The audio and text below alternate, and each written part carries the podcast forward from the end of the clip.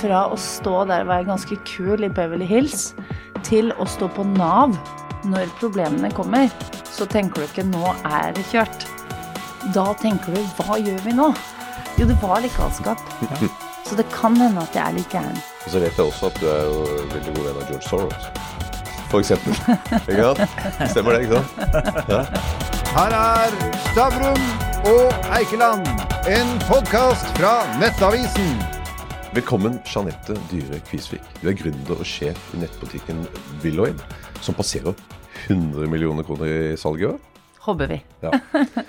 Men du, det, alle hører jo om gründere som har gjort det kjempebra, eh, men det er jo en steintøff virkelighet. Ta oss tilbake til 2008-2009, eh, da du trodde at du hadde virkelig slått gjennom. Hva skjedde? Ja, altså jeg er helt enig med deg. Veldig mange snakker jo om eh, hvor lett det er, hvor gøy det er, og hvor bra alt er nå, og hvor mye det vokser, og kanskje når vi 100 millioner i år og sånn. Men det har jo sett veldig mørkt ut, eh, ikke bare én gang, men mange ganger. Og akkurat den episoden du sikter til, så jo veldig mørk ut. Da satt vi Eller da så det veldig lyst ut, for da var vi i Beverly Hills. Jeg hadde kjøpt meg en ny sånn suit, husker jeg, i sånn beige fra en sånn Banana Republic-merke. Og eh, hadde jeg og min eh, partner Christian, vi hadde stramma oss skikkelig opp, og vi var i Beverly Hills.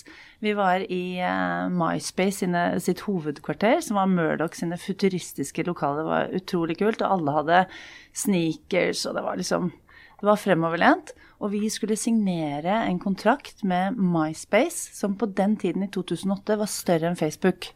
Og de var på forsiden, de to gutta som hadde starta det, av People Magazine og Time. Og, og det var de vi hadde møte med. Og mens vi satt der og skrev under denne egentlig ganske historiske avtalen for et lite norsk tekstselskap som hadde startet bare noen måneder tidligere, så skjedde det noe på TV-en bak eh, CEO-en. Og det var at Lehman Brothers gikk konk. Eh, Og Bare for å sette dette i en sammenheng. Ja. Du, du var altså der for å hente penger. Og MySpace den gang var som Facebook i dag. Det var gigantisk svært. Ja. Og du tenkte 'herregud, så lett det er å være gründer'.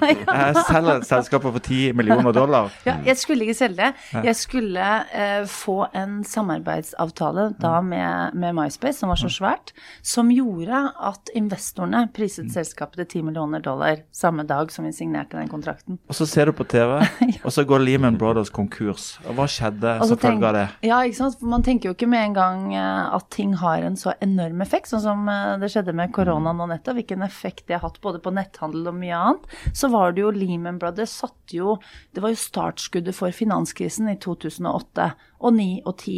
Og i de neste to årene så var det umulig for små tech-selskaper og gründerselskaper å hente kapital i det hele tatt. Så fra å stå der og være ganske kul i Beverly Hills til å stå på Nav på Solli plass. Den, var, den gikk fort, den eh, reisen der, og det var ikke noe gøy. Var, og, og, du, og, du, og du overdriver ikke, faktisk. Du, du gikk på Nav. Dere måtte permittere dere. ja, vi overlevde jo etter hvert da så vidt, eh, fordi vi klarte, og det er jo eh, Skal jeg ta og fortelle det kjapt? det, det som skjedde, var at Lehman Brothers gikk. Eh, vi skjønte at den kontrakten som eh, Vi skjønte etter to måneder at den kontrakten vi hadde fått, den klarte ikke MySpace å opp også å gjennomføre. Og da var de litt sånn su oss. Eh, og vi var et lite selskap, kunne jo ikke saksøke noen, det er jo ikke bruke tid på det. Eh, så vi bare tenkte hvordan er det vi da skal få til dette? Da trenger vi jo en kontrakt med et annet selskap. Eh, så vi dro hjem til Norge med halen mellom beina. Og hadde jo Og dette var 2008, og det var jo ingen som ville snakke om noe annet enn Husker du hva som skjedde i 2007, helt på tampen? Nei. Fortell. Smartphone. Da kom jo Steve Jobs med, med sin første iPhone. Eh, og det var det ville, alle ville snakke om det. Så vi fant ut at hvis vi kunne ta vår forretningsmodell og prøve å få det veldig relevant for den mobile teknologien, og så få noen til å eh, skrive en kontrakt med oss, så klarte vi å hente penger før vi kom til å gå konkurs, som vi gjorde da eh, det året. Også det var bare noen måneder igjen. Så det brant skikkelig, og da måtte vi permittere oss. Det var den ene tingen vi gjorde. Og det var, husker jeg var eh, tøft eh, å stå i Nav-kø og si at eh, dette må vi bare gjøre, skal vi klare å overleve noen måneder til. Vi hadde seks ansatte. Men så fant vi ut at det er mobilkuponger, altså ha QR-koder på mobilen, det var egentlig knyttet ganske godt opp til den teknologien vi hadde prøvd å sende, selge til MySpace. Så vi tenkte det kan vi få til. Så vi gikk til eh, Narvesen og 7-Eleven og sa kan ikke dere sende ut sånne QR eh, Men så viste det seg at eh, kuponger i 2008, markedsføring med mobilen, var ikke lov. Så et eksempel på at loven ikke alltid henger etter, ikke alltid følger med. Så da tok jeg med meg en pose med kanelboller og reiste til Stockholm. For der var hovedkontoret i Pressbyråen og Narvesen i Stockholm. Og så sa jeg hva hvis vi får 2000 svensker til å løpe inn i Pressbyråen med, med mobiltelefon og QR-kode og spørre etter en kanelbolle. Vil dere gi oss kontrakten da? Ja, da får dere kontrakten, sa han. Ja, greit, sa vi. Satte i gang. Så ble vi hacket av gjerrigknauken.se eller noe sånt. Så det var jammen i meg 50 000 mennesker som kom til Pressbyråen og spurte om kanelbolle. Og vi fikk kontrakten, og vi gikk ikke konk. Og, og svensker de elsker jo dette. altså Kanelgifler. Vi er jo oppvokst på de der. Men, men, altså, den, men den nedturen må jo ha vært ekstrem for deg. For frem til da så hadde jo egentlig bare livet vært eh, en dans på roser for deg. Du hadde vært eh, Hallodam på TV 2, jusstudier, det var bar, det var McKinsey, det var Burson Master, det var New York, det var masse penger, det var designerting og alt sånt som du elsker elsker. Og så plutselig så står de i køen på Nav. Nå var du fantastisk. Men var ikke Nå skulle dere ha sett ham. Ja, ja, Em, jo, altså dans på roser, livet er jo, eh, er jo det innimellom, og så helt til det ikke er det. Jeg Mm. tror man må liksom ta på og vinne litt med samme sinn. Så når vi sto i den Nav-køen da, så var det jo jeg og min partner Christian sto der sammen. Og så sa vi ok, det er liksom ikke Hvordan kan vi løse dette problemet? Så jeg tror eh, det som eh, kjennetegner meg som gründer, og mange andre gründere, er at eh, når problemene kommer, så tenker du ikke 'nå er det kjørt'. Da tenker du 'hva gjør vi nå'? Og det tror jeg er en utrolig viktig ting å ta med seg for alle som starter selskaper. Fordi at det kommer dårlige dager. Eh, og det var ikke bare dans ikke sant. Det er, jeg, jeg, jeg pendlet med Ryanair til London en periode hvor det også var litt tøft. Uh, og det var også litt uh, tøft å pendle sånn fram og tilbake med Ryanair, husker jeg. Men den ene skiltet som var ute på Stansted Airport, så sto det 'It's amazing how many nights it takes to create an overnight success'.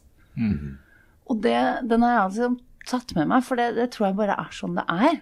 At det ser så lett ut, men det er jo ikke det. Men det bare handler om å ikke gi seg, altså. Hvis man tror på ideen, da. Nå skal vi snakke litt om Jeanette Dyre Kvisvik, og så skal vi ende opp med suksessen du har lagd nå. Men la oss gå litt tilbake. Det er jo ikke alle som eh, jeg håper å si, levde den gangen du var på TV 2. Men du, du var hallo-dame. Altså, altså jeg gjorde det, altså. Jeg men du, du var eh, hallo-dame på TV 2. Du var sportsreporter på TV 2. Men på si så tok du også juss i Bergen. Ja. Ja, så du, du sto jo på ganske heftig. Ja. Det må du ha i det. Ja, ha litt energi. Ja. Og så begynte du i bar, som jo siden jo har vært i vinden også. Ja. Og McKinsey. Ingen av de stedene så, så får du lange ferier og slappe dager. Nei. Du er slave, rett og slett. Ja. Som ung starter der, da er du. Ja. Ja. Nei da, Hva slags dager hadde du? Nei, altså Det er jo som, som nyutdannet advokatfullmektig, eh, så er det jo ikke noen lett eh, Og det var verre da, har jeg skjønt. Eh, for da hadde man ikke den type overtidsbegrensninger. Det var bare om å gjøre å bli ferdig. Eh, og, vi, og jeg er også i McKinsey helt annerledes nå enn det var da. Eh, men på den tidspunktet nei, så husker jeg at når jeg var i noen av de selskapene uten å nevne navn, så var det sånn at eh, ja ja, Time, nå tar vi da møte om to timer, og da var klokka midnatt. Ja. Så det var litt uh, hardkjør.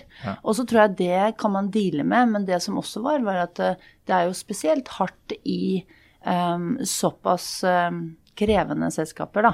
Fordi at de måler deg hele tiden, og du må være på topp hele tiden. Og det er jo Det er man jo ikke. I Hvert fall den gangen uomtvistelig var jo de Ja. to selskapene markedsledere i sine sjangre. Eh, Mm. og det er jo sånn Du beskriver en situasjon som mange har vært i. at liksom Det er jo, det er jo å jobbe nesten døgn rundt. Ja. Og det er ikke noe, det er ikke noe, det er ikke noe rom for feil.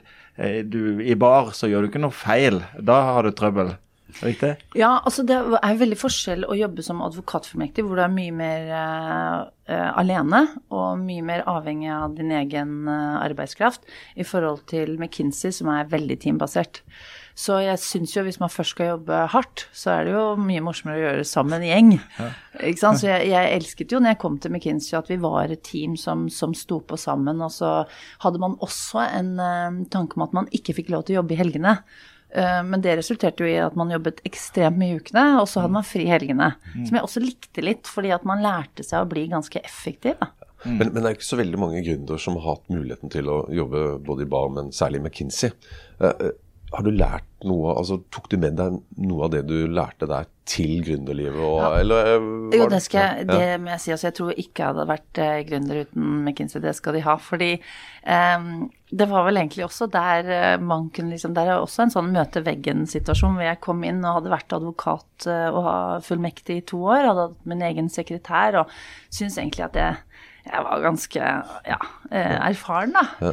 Og så kom jeg inn til McKinsey, og så var det jo et juniorprogram, og så var det de som var litt over, og jeg var litt sånn, jeg er jo litt over. Eh, og jeg skjønte jo ikke at det jeg gjorde mot meg selv da, var så dumt det kunne vært, fordi at jeg tok ikke de jeg tok ikke den, ikke den ekstra dybden tilbake for å lære meg å gjøre dette ordentlig. Mens mitt ego pressa meg til å liksom skulle være den som allerede hadde kommet litt lengre. Det har jeg tenkt på mange ganger, at det å gå fem steg tilbake, enten fordi at man har blitt eldre og skal følge med på hva de unge gjør, som bare ikke tro at du er noe før du liksom har lært det ordentlig. Det tror jeg er kanskje den aller beste læringen. Så, for i grunnlivet så er det jo ikke sånn at det, det er noen som gjør masse ting for deg hele tiden. Da Du må alt. gjøre det sjøl. Ja, ja, ja. La oss hoppe, hoppe Ja. da til, til New York. For da, ok, Du har vært på TV 2, du har tatt juss, du har jobba i bar, du har jobba med McKinsey, du gikk videre til Børsen Mansteller, som jo er verdensledende på PR og kommunikasjon. Og så tenkte du jaggu skal jeg ikke bli gründer. Hva tenkte du når du sto der uten arbeidsgiver og skulle starte fra null? Det var eh, Jeg tror på, på to, tidlig 2000-tallet, eh, når jeg begynte min karriere, jeg begynte vel i bar i 2002, etter TV 2, så var det jo ikke sånn eh, Vil du bli gründer? Det var ikke noe sånn gründer, nå skal vi bygge masse selskaper. Det hadde jo vært eh, dotcom-en hadde jo slått alle de selskapene ned i 2000. Så eh, i in the aftermath, på en måte, etter det, så var det jo ikke mye gründertanker. Men jeg hadde jo da jobbet som advokat og som konsulent og som strategirådgiver i New York, og ble litt sånn lei lei av å rådgi andre. Jeg ble veldig nysgjerrig på hva jeg kunne finne på sjøl. Og hvordan jeg kunne bygge mine egne team og lage mine egne regler for folk og liksom egen kultur, da. Så når det da ringte en tidligere klient og sa du, vi har et lite tech-selskap her eh, her i Norge, så vi har noen websystemer som vi skulle bare rullet ut i USA. Eh, og vi har ikke noen ansatte, altså vi har ikke noen kontrakter, og vi har ikke noe særlig kapital heller, så basically de hadde egentlig ingenting. Men jeg var så, jeg syntes det var, hørtes dødsspennende ut, så jeg sa jeg tar den jobben. Og da hoppa jeg jo fra en trygg Hvorfor, tur, hvorfor turte du det? For du var jo ikke rik på dette tidspunktet. selv om Nei, du hadde har var hatt ikke godt med rik. Jeg var ikke Men var ikke det galskap? Jo, det var litt galskap. Så det kan hende at jeg er litt gæren, Gunnar. Ja, men, ja, men du må jo, altså For å være gründer så må du ha galskap. Altså Det er jo ikke umulig. Men, men du gjorde ikke Jeg var litt alene. eventyrlysten. Ja, men du gjorde det ikke alene. ikke sant? For dette Nei. var med Christian Melhus. Ja, det var med Christian Og han er ikke hvem som helst. Nei, han er, Han er flink. Han er en av de råeste finansgutta i Oslo den dag i dag. Han Han, jobba jo for Jon Fredriksen, Ja. ikke sant? Ja. Så, så det var jo to dyktige personer. Men jeg hadde ikke møtt Christian ennå. Jeg Å, fant jo Christian. Oh, ja, okay. Så, så det, er, det er godt tenkt. Ja, Ja, ja, men, men derfor, derfor fortsatt så gjelder det at uh, man er litt gæren. Men, men jeg tror uh, jeg var uh, Jeg hadde snakket med MySpace. Så jeg visste Jeg hadde testet ut at hvis jeg får til dette, kan vi gjøre dette. Så jeg skjønte jo at eh, Jeg hadde jo forberedt meg. Og så hadde jeg møtt Christian og spurt om han kunne Og var i den overtalelsesfasen, for han satt jo i en meglerjobb i London og hadde det fett og skulle dra over. Men tenk deg å dra han da ut fra London, eh, eller anyone ut fra London, og så dra de til New York, og så skjer finanskrisen, og plutselig så sto, sto vi begge to på Nav. Det var jo for oss begge to. Men da ville jo det sunne, eh, trygge norske vært at du hadde begynt å lese Aftenposten bakfra og funnet en jobb som konsulent eller advokat, en trygg jobb. Ja. Hvorfor i himmels navn gjorde du ikke det? Nei, for da blir man jo ganske innbitt på at uh, dette skal jeg jaggu meg klare. Her må jeg finne noe Det skal ikke være sånn at nå prøvde jeg meg, og så gikk det ikke, og så kom jeg tilbake igjen med halen mellom benene. Det blir litt den derre Nå skal jeg i hvert fall klare det. Og så tror jeg Christian, eh, som du nevnte, eh, som, som jeg hadde med meg, liksom, som sa nå skal vi nå skal vi bli skitne på, nå skal vi brette opp armene, og så skal vi gå inn i dette ordentlig. For jeg hadde jo vært ganske finpolert konsulent og sånn så lenge. At jeg bare det, Dette må folk holde på med hvis de skal skape verdi. Og det tror jeg vi begge følte. Men så, så hopper vi til pressbyråene i Sverige, altså med og tusenvis, tusenvis av kanelboller. Eh, Foreløpig høres ikke det heller ut som en gullgruve, men hva skjedde videre med, med Ja, det, det, det første, det var jo litt skummelt når vi så at uh, Altså ikke hele Sverige, men det føltes ut som en betydelig del av Sven Sverige løp mot Pressbyråen uh, med disse mobilene. Uh, og det at vi hadde fått 2000 kanelboller til å gi bort, og ga bort 50 000, det beviste jo at, og det var det vi skulle, vi skulle bevise at vi fikk folk til å bruke mobilen. For i 2008 så brukte ikke folk mobilen på den måten. Eh, så det var jo en vinn. Og, og så var det å ringe forsikringsselskapet og si dere får, Jeg sa ikke hele historien til de, men jeg sa at eh, jeg skjønte jo at hvis jeg kom tilbake til Pressbyråen og ikke kunne betale for de 48 000 kanelbollene, så ville vi antageligvis ikke få den dealen.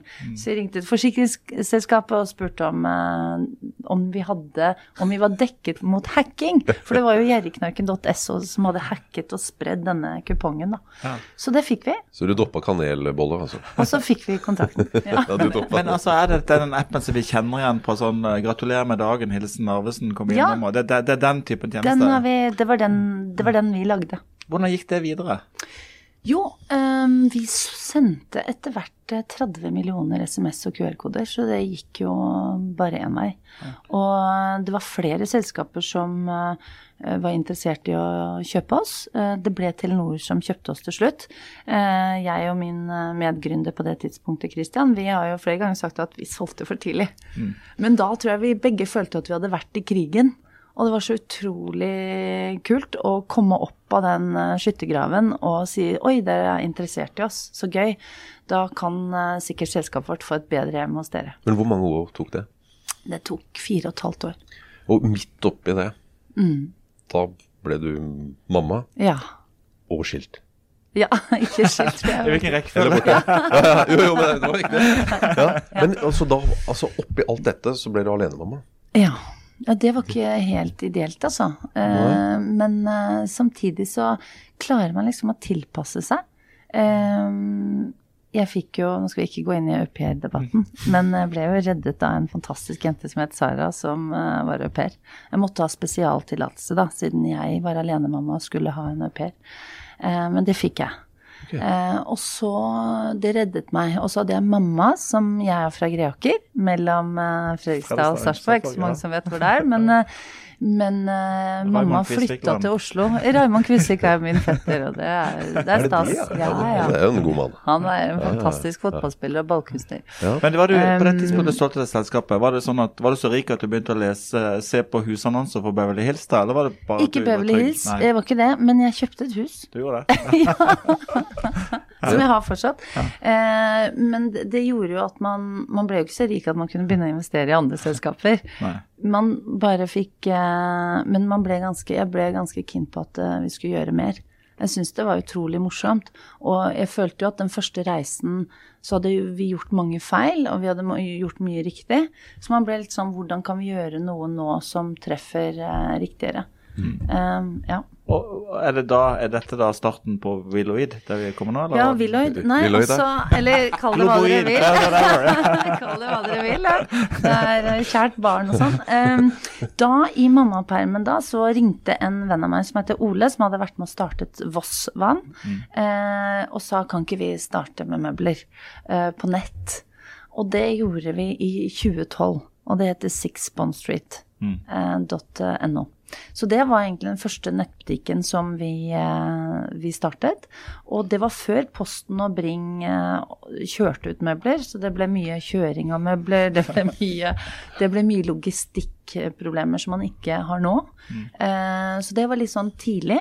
Eh, og så jeg, fikk jeg et tilbud av Telenor, for jeg hadde jo solgt selskapet mitt til Telenor, så jeg fikk et tilbud fra Telenor om å gjøre noe gøy for Telenor. Av Kristin Skogen Lund Ja, okay. blant annet. Ja, ja. Eh, og det var også litt stas. Og da husker jeg som alenemamma og med min medgründer Ole, så sa Ole jeg kan faktisk ikke anbefale deg å takke noe annet enn ja til det der. Så, da, så da gikk jeg til Telenor. Hvordan i all verden kom du på navnet Villoid? Det heter jo enda mer før. Hva, hva, Det er et Soulbazaar. Ja, Ja. Hvorfor Villoid? Altså, mandatet fra Telenor var kan ikke du skape noe engasjerende? Ja. Uh, og jeg bare hva som helst. Uh, ja, hva som helst. Da hadde jeg bodd i New York noen år uh, og syntes at det var veldig mye inspirasjon og mye morsomt som jeg grua meg til å forlate når jeg dro hjem. Annet masse i forhold til butikker og inspirasjon. Så jeg, tenkte at denne gangen skulle jeg kanskje gjøre noe jeg forsto fra et forbrukerståsted. At jeg ikke skulle gjøre noe som var business to business, men et business to consumer-konsept. jeg og, um, og det var egentlig klær og sko og shopping. Og så, og så så jeg også at det, sosiale medier og mobilen kom til å bli veldig viktig. Altså Facebook la jo om i 2012 alt til mobil først. Eh, og klær og sko ble den første, første og den største kategorien på nett veldig fort. Så derfor så begynte tanken rundt det som da het So Bazaar, som sto for Soho og Bazaar. Det er et og- forståelig navn. Ja. og så, vi, så gjorde vi det i Norge. Og gikk til topps på app-listen. Og vi hadde med oss mange influensere, bl.a. Jenny Skavlan og flere av disse jentene. Og fløy med Norwegian til London og lanserte, og appen vår gikk rett i taket. Og vi var fortsatt eid av Telenor. Og da sa vi at men hva hvis vi bare gjør dette, denne appen global? Vi selger jo ikke klær, vi, vi driver trafikk til ulike nettbutikker. Og det var jo en styrebeslutning omtrent i Telenor, og det å gjøre en tjeneste global sånn over Det var ikke en styrebeslutning, men det var en stor beslutning at eh, nå skal vi gjøre det inkludert også utenfor footprintet til Telenor, da. Eh, og da var det jo litt den diskusjonen vi hadde at det, det var ikke sånn at når Instagram starta, så var det sånn kan ikke dere gjøre det disse få landene eller sånn. Det var jo når man rullet det ut. For AppStore er jo sånn, du kan tikke av. Så vi rullet ut appen i eh, Skulle rulle den ut i hele verden og lansere den fra New York med en influenser som het Alexa Chung.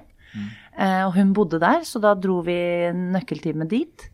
Og to måneder før vi lanserte, så fikk vi en tilbakemelding fra Harper's Bazaar. Og Condé Nast, som var en av verdens største medieselskaper, magasiner, at de kom til å saksøke oss hvis vi gikk hvis vi lanserte Soulbazaar. Og det var litt gøy, for da, det var to ting som skjedde. For det ene så tenkte jeg vi er jo litt viktige hvis noen blir eh, nervøse for oss før vi har lansert. Og to, dette ga jo henne, influenseren vår, som, som hadde fem-fire millioner følgere, og som virkelig var viktig for oss, at hun kunne få eierskap. Så jeg spurte om hun kunne finne på navnet. Og da ble det masse greier, og så ble det Willoyd. Og så har vi ikke stilt så masse spørsmål rundt det, og nå har det blitt Willoyd. Det funker jo åpenbart. Men det, du tenkte der da, liksom at det, det er greit å sove med en elefant, men ikke hvis han snur på seg i senga. Du har ikke lyst til å havne under Harpard Bazaar? Nei. nei. Så den vil du ikke ha. Exakt. Men, men da uh, var det fortsatt Telenor-selskap, ikke Da sant? var vi fortsatt Ja. Telenor-selskap. Og hva skjedde så? For da skjedde et eller annet.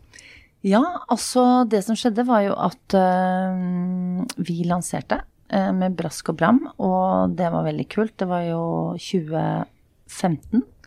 Eh, det var apper det handlet om for veldig mange. Vi hadde store konkurrenter fra Google og fra de store selskapene, som alle er konkurs i dag. Um, så det var jo Som ikke på en måte gikk over til å bli noe annet, sånn som oss.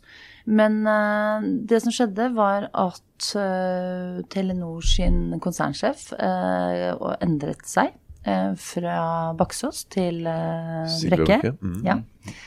Og da, dermed også strategien på om de ville satse i, på, på oss, da.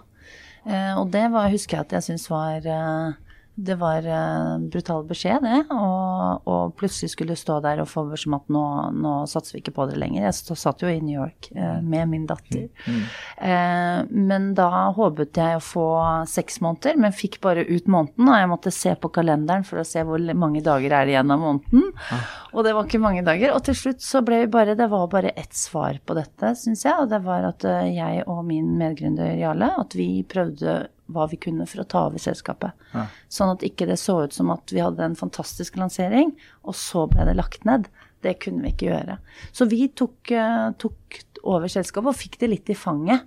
Et selskap som var basert på at det skulle ha 200 millioner abonnenter å leke med, og store markedsbudsjetter, satt plutselig hånda på to um, eh, småbarnsforeldre. Så 2015 og 2016 var faktisk ganske tøffe. Fikk dere selskapet? Ja, vi fikk det til slutt. Eh, Betalte det én var, krone. eh, det var eh, en forhandling Ja. der, så, så vi fikk det tatt det ut til slutt. Eh, Så det var, det var noen penger og litt sånn forskjellig, men, men all in all så tror jeg det ble bra for begge parter. Og så, og så har jeg og Jarle egentlig måttet fra 2016 da eh, prøvd å finne ut av hvordan skal vi få dette selskapet til å overleve, og det har sett mørkt ut, det, mange ganger. Men da, eh, det slår meg jo at Sigve Brekke gjorde det jo enda dårligere i, i India, så dette var jo tross alt bedre i forhold til India. Men du, hvis vi spoler til nå Nå er vi liksom, eh, nå er vi etter pandemien, vi er i november. Det er jo den store shoppingmåneden på, på nett. Eh, Ja. eh, 100 millioner er på en måte et mål. Du må jo selge litt for å nå dit. Eh, Ja. Hvordan går det akkurat nå? Ja, akkurat nå den siste timen så ser det litt stillere ut enn det vi håper. Ja. Vi måler dette veldig, vi måler temperaturen veldig. Mm. Vi ligger an, vi skal jo ha 100% vekst i år fra i fjor, og akkurat nå ligger vi på 99% Det er helt forferdelig. da må du kjøpe noe nytt tøy. Men hvor, hvor, hvor mye mangler du før 100? Ja, også det er jo sånn at i netthandelens verden og i, eh, i også hele varehandelen, så er jo november og desember de største månedene. Så en stor del. En så stor del at eh, det er ingen av oss på teamet nå som eh, sover helt lett om natta. Men, men er vi nordmenn smarte shoppere? Eller er, altså, er vi gode på internettshopping, eller er, legger vi resten av verden? Ja, vet du hva, det er jo også en mulighet for oss, da. Og det har kanskje vært en av de beste tingene med at Willoid gikk fra å være en app til å bli en nettbutikk i 2018. Det var jo at eh, plutselig så vi at Norge er jo et u-land på salg av klær og sko, som jeg nevnte var, en, var den største kategorien på nett. Eh, mens vi har vært flinke på elektronikk og til dels på sport. Men, men den delen har ikke vært. Så vi kom inn i et marked som ikke det fantes noen andre aktører som bare var på nett, bortsett fra de store utenlandske. Så det er jo sånn at eh, akkurat i dag så er utenlandsk netthandel står for eh, halvparten av det, alt det nordmenn handler for. Og det er 60 milliarder. Og det er det vi forsøker å gjøre noe med. Fordi vi syns jo det er bedre å, å shoppe kortreist. Norsk lager, norsk nettbutikk, fokus på små, færre merker. Så det er vår mission, da. Og Og det er en kul mission å ha nå. Absolutt. Og, og hvis, hvis vi prøver å sette det litt sånn uh, Visualisere dette. 100 millioner kroner, det er snakk om 100 000 varer som skippes ut. Ja, 100 000 varer. Ja, hvis de koster 1000 kroner hver. Ja, ja, jeg bare syns jeg hørte rykte om at dere har sendt ut 100 000 varer i Ja, ja. stemmer. Ja. Så det er jo mye Så her. Det er jo 1000. snakk om Ja, det er mange pakker. Ja, mye logistikk. Det er mye logistikk. Når du hører på Ole som har gått på BI, så, så de lærer jo hoderegning. Ja, ja, ja. ja. Det, det skal de ha. Det, det. Men du, til, til historien din, for det, det er et par ting som jeg tenkte jeg har lyst til å gå litt tilbake til. Uh, begynner med det som du, som du tenkte vi ikke skulle diskutere, som jeg har litt lyst til å diskutere, nemlig au pair. Ja, nei. Den, den er så vanskelig, den debatten, at Ja, men er den den kan det? jeg ikke Hva er galt med å ha au pair? Nei, altså, det eneste jeg kan si Som om du det forstår, at- Gunnar har hatt au pair. Altså når, når den ordningen eh, respekteres og, og gjøres sånn som den skal gjøres, så er det en fantastisk ordning. Det er det jeg kan si. Og spesielt for eh, arbeidende mødre er det en, eh, en stor fordel. For det er ofte de som eh, ikke får til det å jobbe hvis det skjer. Og for meg så var det helt avgjørende. Den andre tingen er på en måte at uh, din historie på en måte har jo vært din egen drivkraft, føler jeg. Mens uh, i, i dag så er det jo mye bedre ordninger for entreprenører. sant? Normalen de går kanskje på NTNU, de går på entreprenørskolen, Ja. eller de er på Startup Lab i Oslo. Det, det er mye mer hjelp til entreprenører. Ja. Eh, Det du beskrev var jo virkelig et u-land i entreprenørskap. Ja. ja. Ja, eh, og det tenker jeg Jeg har jo opplevd det at når jeg har vært ute og snakka med jenter spesielt, da, at eh, de syns at det er morsomt å høre den historien.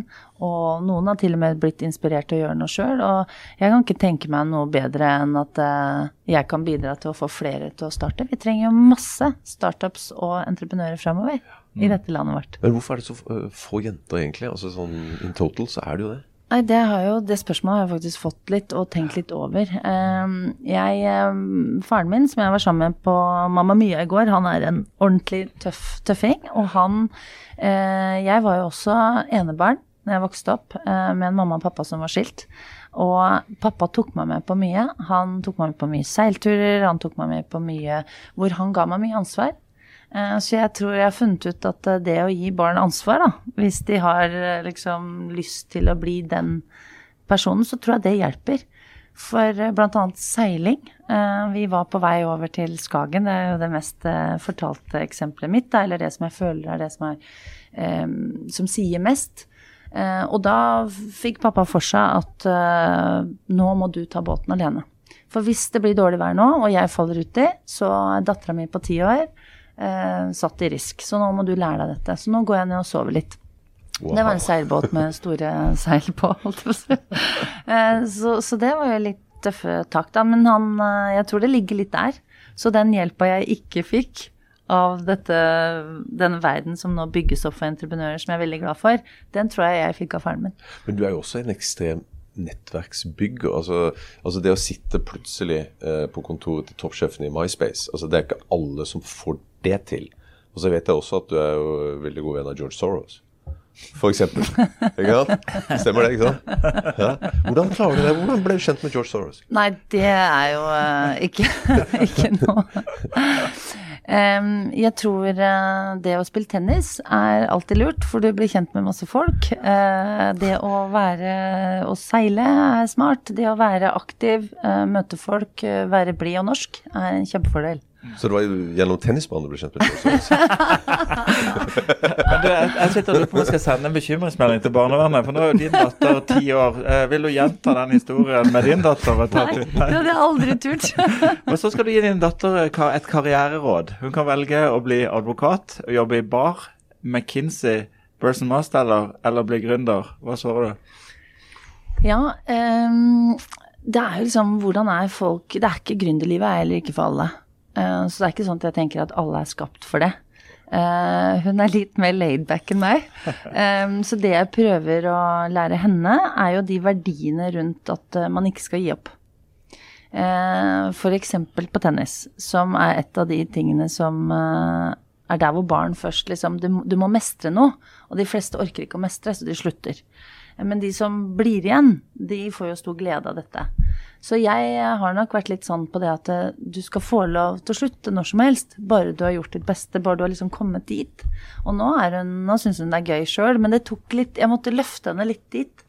Um, så jeg tror for meg så handler det om at uh, de verdiene der, og så må jo hun bestemme seg. Altså det å, det å ha en utdannelse er jo uh, kjempeviktig. Um, så jeg tror eh, det er Og så får vi se. Hun eh, er ganske jammen i meg ganske egenrådig. så, så, så det er jo ingen Ja. som sa til meg at jeg skulle bli advokat, eller at jeg skulle gjøre det ene eller det andre heller. Så jeg tror man må liksom finne sin egen vei hvis man har de riktige verdiene og liksom ballasten, da. Så må man, man tørre. Man må tørre. Ja, og så må man tørre. Ja. Og det der tror jeg jenter er for dårlige. Der har nok jeg, nok jeg vært litt mer gutteoppdratt, rett og slett. Jeg tror uh, jenter er rett og slett for dårlige. De tenker for mye på ting. De tør ikke å, å gønne på. Uh, de tør ikke å sette seg liksom i forsetet og si 'vet du hva, dette klarer jeg'. En jente er, Det er akkurat liksom som at vi tror at vi skal passe på alle, så at vi kan ikke ta risikoen. Eh, men sånn, det, det er gammeldags, jenter. Skjerpings. Jeg setter i forsetet og sier dette har jeg ikke tid til å tenke på, dette skal jeg bare jaggu meg få til. Det tror jeg vi trenger mer av. Og da får vi flere kvinnelige entreprenører, men kanskje også eh, investorer, styreledere og ledere. For det er jo helt Det er altfor få. Men, men øh, du må komme med et tips til, til jentene. For at uh, du har jo møtt Gjorde på ikke det? Ja, ja, jo, jo, men det kommer enda, enda et tips her nå. Ja. uh, for du har helt sikkert møtt på uh, mange gretne gamle gubber som prøver å herse litt med deg. Ja, det har jeg faktisk. ja, exactly. Ja, ja, ja? Det kom ikke som et sjokk. Ja. Det er ikke deg, Gunnar. Ingen av dere. Nei, nei? Nei, absolutt ikke. Men, men, men, men hvordan takler du de? Altså, har du noen sånne gode For du er- enig med at du har lært noen uh, triks selv. Så Ja. hvordan takler du det? Altså, Jeg leste en bok eh, som het Skiboss She Boss eh, en gang, som var en amerikansk jente som hadde skrevet. Og så var et av Det tror kapittel nummer tre var The Man, sto det. Så tenkte jeg hva er det? Hva er, det? er ikke dette en jentebok? Og så sto det Du har sikkert også møtt The Man som har prøvd å liksom stoppe deg sånn. Drit i han. så jeg tror det, det Man møter jo alltid de som på en måte vil stoppe deg, men det møter man jo litt av alle kjønn. Eh, så jeg tror eh, det må man egentlig ikke bry seg så mye om. Og jeg tror det å gi litt mer faen. Og rett og slett bare overse det. Ja, men bare den der, det der å gi litt med F, da, som det står på et kort som jeg har hjemme. Det å ikke ta seg nær av ting. Som jeg tror eh, jeg gjør, og, eller jeg gjør det, og jenter gjør det i større grad, syns jeg, enn en gutta. Hvis det er noen forskjell der, så er det litt sånn. Eh, Men ba, liksom bare tenke at det er ikke deg. Altså ikke ta seg nær av det, og så finne en vei rundt. Du fikk Stavrum og Eikeland, en podkast fra Nettavisen.